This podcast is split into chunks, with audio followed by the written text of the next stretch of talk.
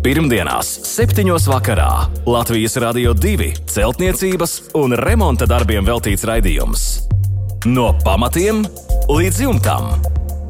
Ar padomiem un atbildēm uz klausītāju jautājumiem Latvijas Rādio 2 studijā - tehnisko zinātņu doktors, būveksperts Juris Biršs. Sveicināti! Kopā esam iesoļojuši jaunā mēnesī, šodien, 1. novembris. Šī ir arī mūsu Latvijas radio dzimšanas diena. Studijā Inese un Kāla šajā laikā pie jums dodas raidījums no pamatiem līdz jumtam. Uz jūsu jautājumiem ir gatavs atbildēt un padomus sniegt tehnisko zinātņu doktors, būveksperts Juris Biršs. Labvakar, Birškungs! Labvakar! Kā laika maiņa jūs ietekmē? ietekmē? Nu, viss ietekmē, un es dzīvoju līdzi laikam. Dzīvojam līdzi. Jā. Jā, aiz loga gan ir tumšs, melna naktis. Jā, nu tas nav sevišķi patiesi. Tas... Tumšais laiks, laikam, nu, es domāju, ka rets, kuram tas tā ļoti patiktos. Bet eh, tam ir arī savu, vairāk domājam gatavojamies gaismai. Jā, tas gan. Nu, katram, katram laikam ir uh, savas iespējas, savi varianti, protams. savs piepildījums, un kā mēs to izmantosim, tas, protams, ir mūsu ziņā. Jā. Nu, raugi, šoreiz mēs vairāk raidījumā runāsim par ēkas mansardas siltināšanas iespējām. Nu, tas ir viens no galvenajiem atslēgas faktoriem, lai iegūtu cilvēku papildus platību. Uh, un, un jauku jumtu istabiņu, kā mēs varētu teikt. Virškungs, es mazliet palūkojos vēsturē, kā ir radies šis vārds mansards un, un kā tas ir viss noticis un kad 1630. gadā. Jā, tas ir sen, sen apakaļ. Jā, bija tāds franču arhitekts. Jā Frančiskā Mansards. Un redz, viņa vārdā arī ir uh, šī jumta istabiņā ieguvusi tik brīnišķīgu nosaukumu, tik smalku Mansards. Mm. Tāds, uh, paldies Dievam, ka viņam tāds uzvārds, ka viņam bija savādāk. Jā, tas gan. Bet uh, no ļoti prātīga lieta šodien tas ir tāds izsmalcināta tipa dzīvu dzīvoklis. Jā, šodien redz, tas tā ir, bet tad, kad tas aizsākās, tas bija tāds nabago ļaužu Jā, dzīvesvieta. Par, to, par to neņēma lielu maksu vai vispār mm -hmm. neņēma. Jā, nu tagad tas ir ekskluzīvi un šīs iespējas mansardi izbūvēt ir tik daudz un dažādas. Un raugi iznāk arī tā, izbūvēt mansardu iznāk stipri izdevīgāk nekā mājai ēkai piebūvēt vēl vienu stāvu. Nē, nu, protams, ziņā. savā veidā tas jau ir stāvs. Tikai viņš tāds nu, agrākos laikos, kad būvējuši ēkas, nu, tad netaisījās tajā mansardā īpaši dzīvot. Un tāpēc visas mansarda pārsegums ir atšķirīgs no parastiem stāvu pārsegumiem un jumta konstrukcija. Un tas viss tika jau ar mazākiem šķērsgriezumiem. Tā, tā, tāpēc arī tas jāņem šodien vērā tiem gribētājiem, kad uh, jau agrāk arī bija ekonomisti. Mm. Visas šīs konstrukcijas, jumta konstrukcija un mansardu telpas izbūve ir veidot no nu, tādiem arī pārsegums. Ir veidots tāds, kas neprasa milzīgi nu, lielus eh, slodzes nespējas. Tāpēc jābūt uzmanīgam un tas jāpārbauda un jāpastiprina. Jā, bet tur ir arī sava burvība, šīs kokas, sijas koku materiāli, kurus var atstāt kā dekoratīvus elementus. Nu, skaisti, es tā, skaisti. Es tā sevišķi tam ir skaisti. Protams, pilnībā piekrītu, bet uh, to jau var izdarīt jebkurā telpā. Vajadzīgs tikai griezt augsnes. Mēs jau varam uh, mākslīgās sijas iestrādāt tā, ka jūs nekad nepateiksiet pateiksi, ka tā nav. Nu, rekā, apmānīt, acu apmāns. Iznāk. Nu, jā. jā, labi, Biržkungs, nu gan esam mazliet par mansārdu aizpļāpājušies, un uz to mūs nu, rosināja Imants vēstuli. Imants ir atsūtījis eh, garu darāmo darbu sarakstu, arī daudz kas ir izdarīts, un pievienojis arī vairākus fototēlus, tā kā viss ir uzskatāms. Nu, tad sāksim runāt par mansārdu. Un jautājums Imantam ir šāds par mansardas sienas pīrāga pareizu izveidi. Ir doma izveidot vienu lielu telpu, raksta Imants. Ēka ir no gāzbetona ar četru slīpju jumtu, jumta krēsls un spāru savilces paliks redzamas.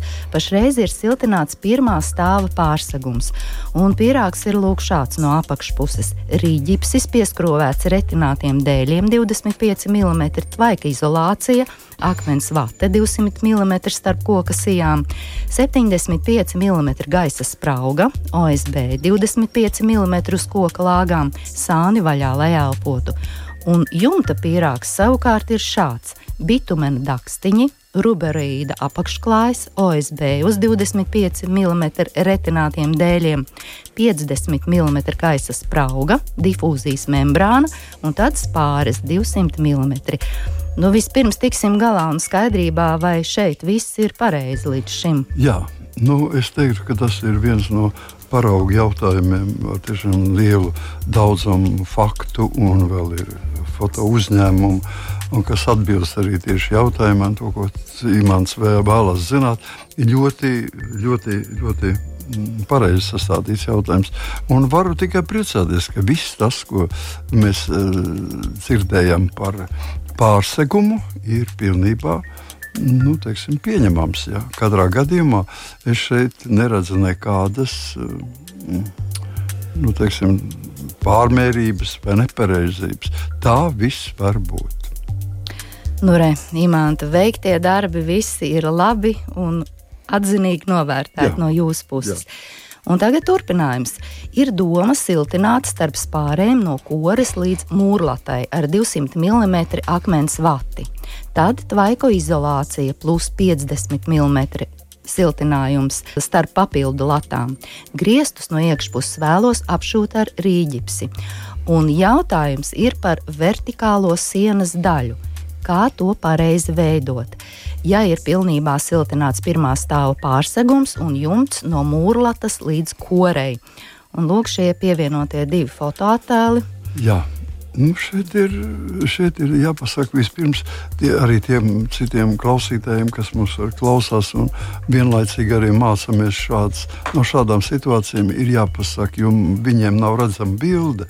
Ja bildē ir redzams, ka um, ēkas sienas ir augstākas ja, par teiksim, mansarda grīdu.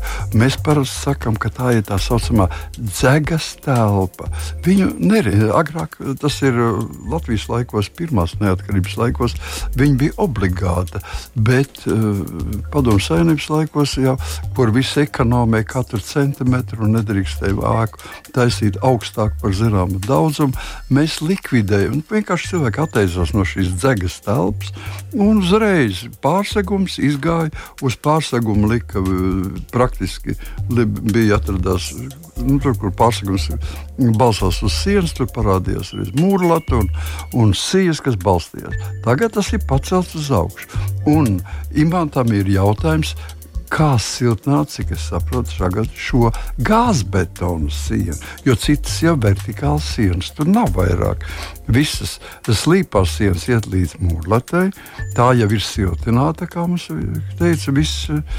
Un, un, un, un, teiksim, un pats pārsegums siltināts paliek nesiltināts tikai vertikālā sienas daļa, kur ir gāzbetons. Nu, lūk, ja gāzbetons nav siltināts no ārpuses, Tad, teiksim, jo īpaši tas ir svarīgi, ja viņš ir siltnās no ārpuses, arī arī tādā gadījumā iekšpusi derētu vienkārši izoderēt ar mīkstām kokšķiedru plāksnēm divreiz par 25 mm vai pat vienreiz 25 atkarībā no tā, vai ir gāzbetona siena no ārpuses siltināta vai nav. Un tas radīs telpai eh, nepieciešamo tādu komforta izjūtu iekšā. Jo tas savādāk tomēr gāzbetons, lai kāds viņš arī nebūtu brīnišķīgs siltumizolācijas materiāls, uh, Tomēr šī temperatūra starpība ir milzīgi liela ārā un iekšā, un to izlīdzinās tieši šis apšuvums. Tā kā mans ieteikums ir nelikt biezas, teiksim, var jau likt, protams, arī biezas akmens vatas kārtas, bet tad būs atkal jāliek plēvi jāliek. Un, mums jau ir plēvos, kas ir uz jumta siltinājuma. Un apakšējās no pirmā stāva mūs atdala atkal plēve. Mēs sākam diezgan iepakoties polietilēna plēvē. Tātad vismaz vertikālās daļas būs pilnībā elpojušas. Jā, paldies par atbildi Imantam. Un turpināsim ar Jāņa vēstuli. Projektēju koka karkas māju no dēļiem 50 x 150 mm, bet sāku šaubīties, vai dēļi nav par šauru varbūt tomēr pārprojektēt uz 50 x 200 mm. Nu, lai nesanāk tā, kā trīs sivēniņiem un vilkam no pasakas, kā aizpūš šo māju prom, raksta Jānis. Siltumizolācijā atšķirības nav. Esošajā projektā tāpat paredzēta 150 mm plus 50 mm vati. Dēļos arī sanāk maz zaudēt, bet ieguvumam jābūt acīm redzamam. Nu, ko jūs teiksiet, Biržkungs? Jā, es Jānim? piekritīšu, es piekritīšu Jānim, ka jebkurā gadījumā ja sākotnējais variants 50 reizes 150, lai no tā taisītu koku karkas mājai, tas ir pārāk maziņš. Nu, tas ir, neteik, teiksim tā, viņš netur vienkārši. Ja?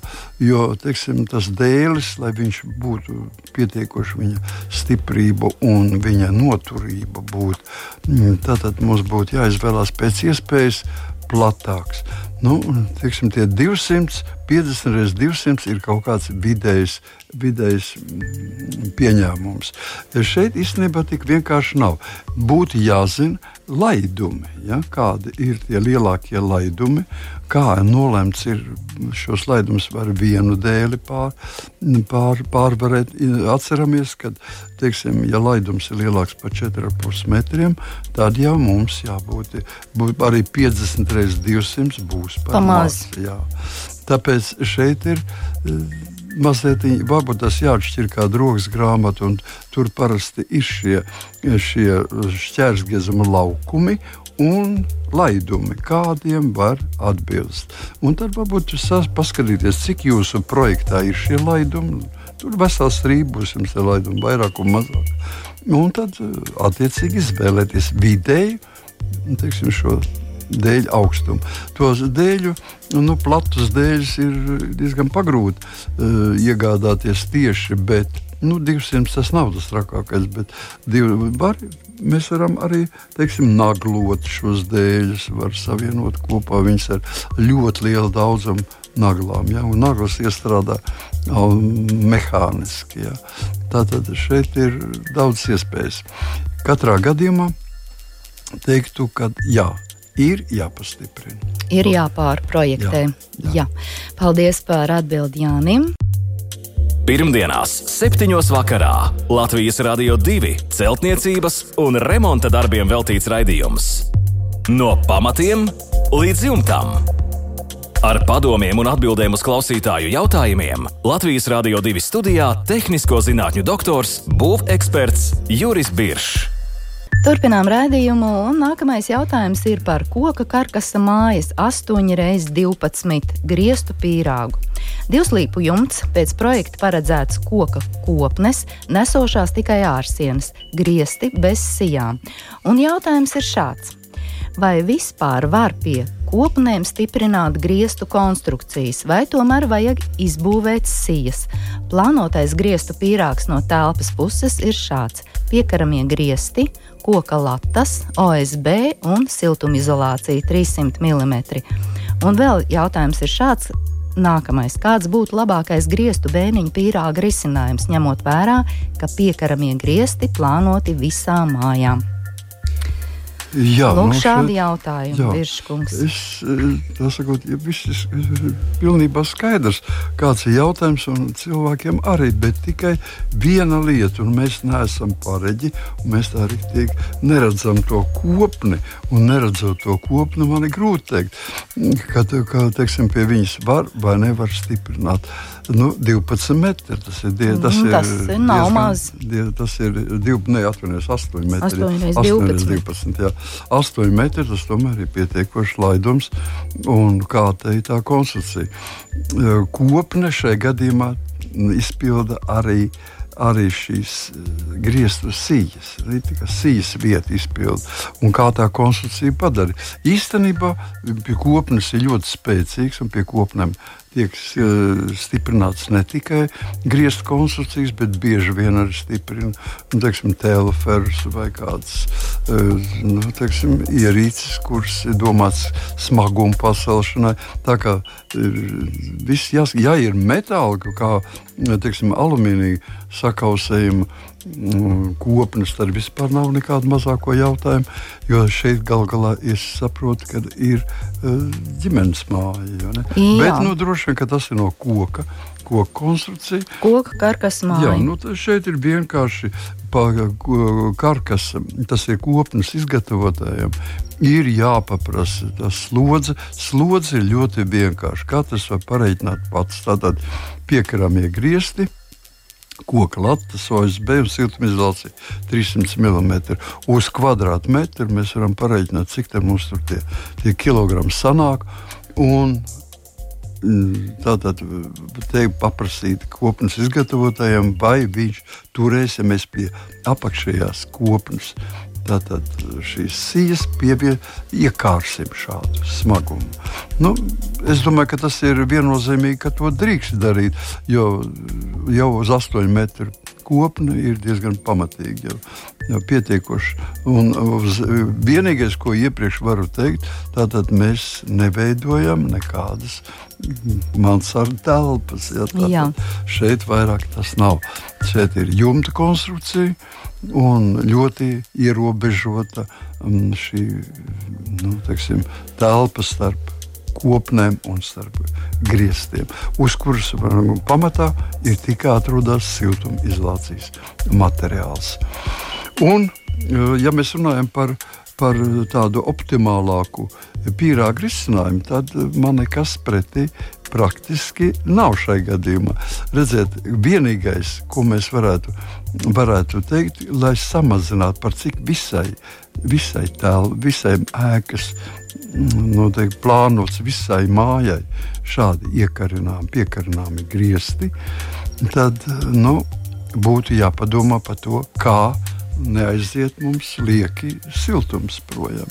Nu, tāpēc tā platība ir ļoti liela un uh, piekarnamo griezta konstrukcija ir jāveido tāda, lai mēs ne, nu, teiksim, viņa nevarētu. Ja tie būtu vienkārši, vienkārši pārsegums, vienkārši, tad mēs veidotu vai nu melnos griestus, vai liktu plēvi iekšā. Šajā gadījumā piemērotāka ir plēve. Jo melnie griezti prasa pamatīgu koku konstrukciju, kas liktu teiksim, palielināt svaru. Tātad jāskatās, lai iestrādājam piekarnamos griestos tvaika izolācija. Un tad tikai mēs. Tas, un ne, katrā gadījumā e, šim tvaika izolācijai ir jāatrodas griestu konstrukcijā.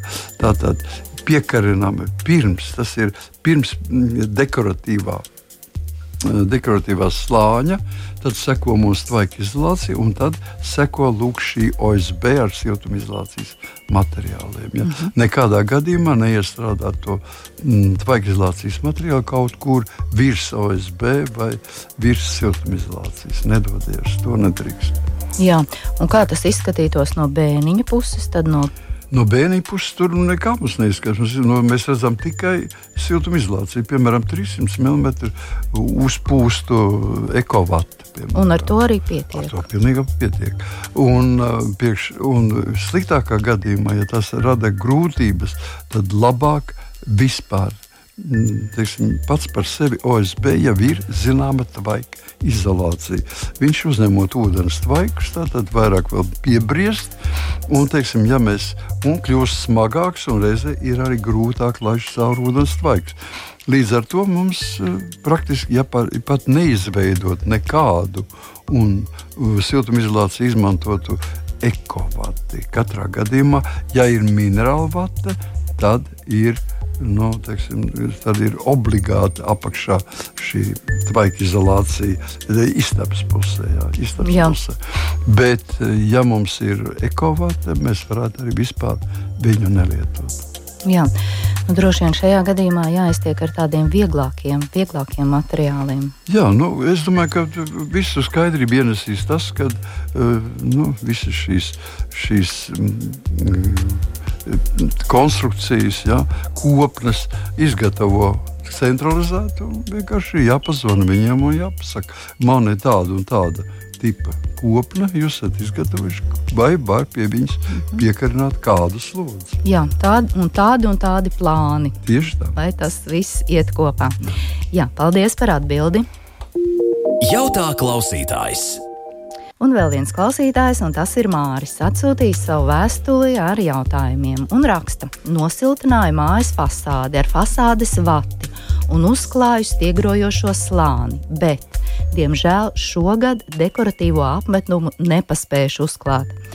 Ar ko vajadzētu gruntēt stiegroto fasādi, lai lietus to nebojātu, un vai vispār vajag gruntēt ar kādu dziļo grunti vai arī ar kaut ko līdzīgu? Jā, nu, jautājums praktisks, dabas jautājums, un ļoti bieži mums, mēs uh, zinām, laika apstākļi vai savu, teiksim, sadzīves apstākļi neļauj mums nobeigt savus darbus, un paliek tādi pusratā darbs. Protams, ka viss šīs virsmas, kas paliek līdz galam neapstrādāts, ir jāiekonservē zināmā mērā, vai nu stiprāk, vai vājāk katrā gadījumā, bet to, to tā dara. Šajā gadījumā mums ir fasādes vate un jau ir paspēts uzlikt virsū ir tīkliņš, un uz tīkliņa uzklāts ir, ir stiegrojošais slānis. Tad ir jau fasādes java, apmetuma kārta. Protams, ka tā nav domāta ārējās vidas iedarbībai, sniegam, lietus un, un dažādu citu vēja iedarbībai, bet to vēl ap, tātad, un arī dekoratīvi tā nav sevišķi. Bet mēs viņu sagatavojam priekš nākošās sezonas. Un šajā gadījumā es ieteiktu, ka nevajadzētu tērēt naudu uz kaut kādām gruntiem.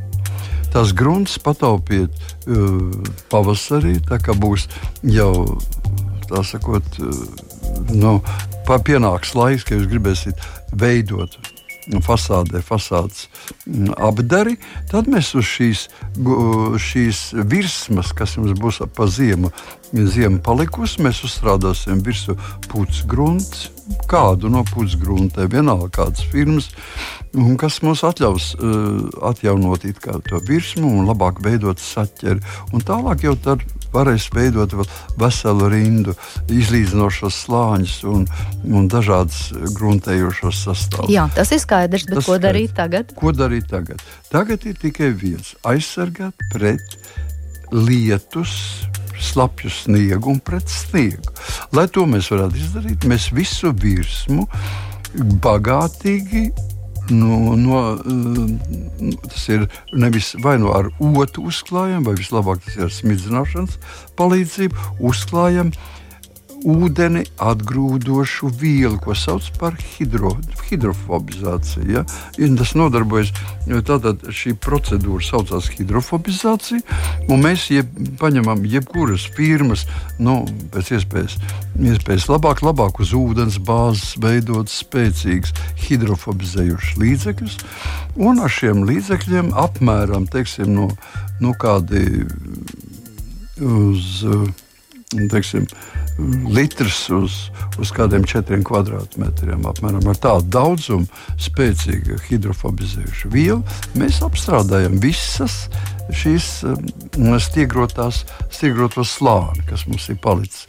Un varam pat pārbaudīt pēc tam. Pēc mirklīša jau uzlējot ūdeni, šis virsmas, virsmas paliek savs ūdens atklāts. Notek notiek. Jā. Nu, viņi izturēs tieši, jo, jo saules, un vēja un sniega un lietus iedarbībā šī iedarbība zūd. Pavasarī jau viņi būs ļoti samērā vāji. Īstenībā tādas virsmas, eh, nu, teiksim, stingrākas gan virsmas, ne tikai šo stigrojušo slāni, bet teiksim, jumtus vai, vai jau gatavas, pilnībā izveidotas dekoratīvas virsmas, apstrādāt ar šādu hidrofobizātoru. Nu, iztur apmēram trīs gadus. Un pēc tam var atkal atjaunot. Ja? Nekas nav redzams, viņš neatstāja nekādas pēdas, un virsma ir sagatavota darbam ziemā. Nu, viss ir kārtībā. Viss ir kārtībā. Un laika apstākļi neapskādēs Ne. šo virsmu. Ne. Jā, paldies par atbildi Mārim, lai izdodas pavasarī pabeigt šos darbus, un līdz pavasarim jūsu ieteikums noderēs. Jā, es tā domāju, ka noteikti. Līdz ar to šovakar mūsu raidījums tuvojas izskaņai. Atgādināšu mūsu e-pasta adresi remonds atlr2.lv. Sūtiet savus jautājumus, pievienojiet fotoattēlus. Arī varat izmantot mūsu Latvijas Radio 2 mājaslapu, lai iesūtītu jautājumus. Un jau saņemsiet atbildes nākamā vai aiznākamā raidījumā no pamatiem līdz jumtam. Jo kā jau mēs vairāk kārt esam jums, mīļie klausītāji, atkārtojuši, ka kļūdas labot būvniecībā un celtniecībā ir ļoti dārgi un arī ļoti laikietilpīgi.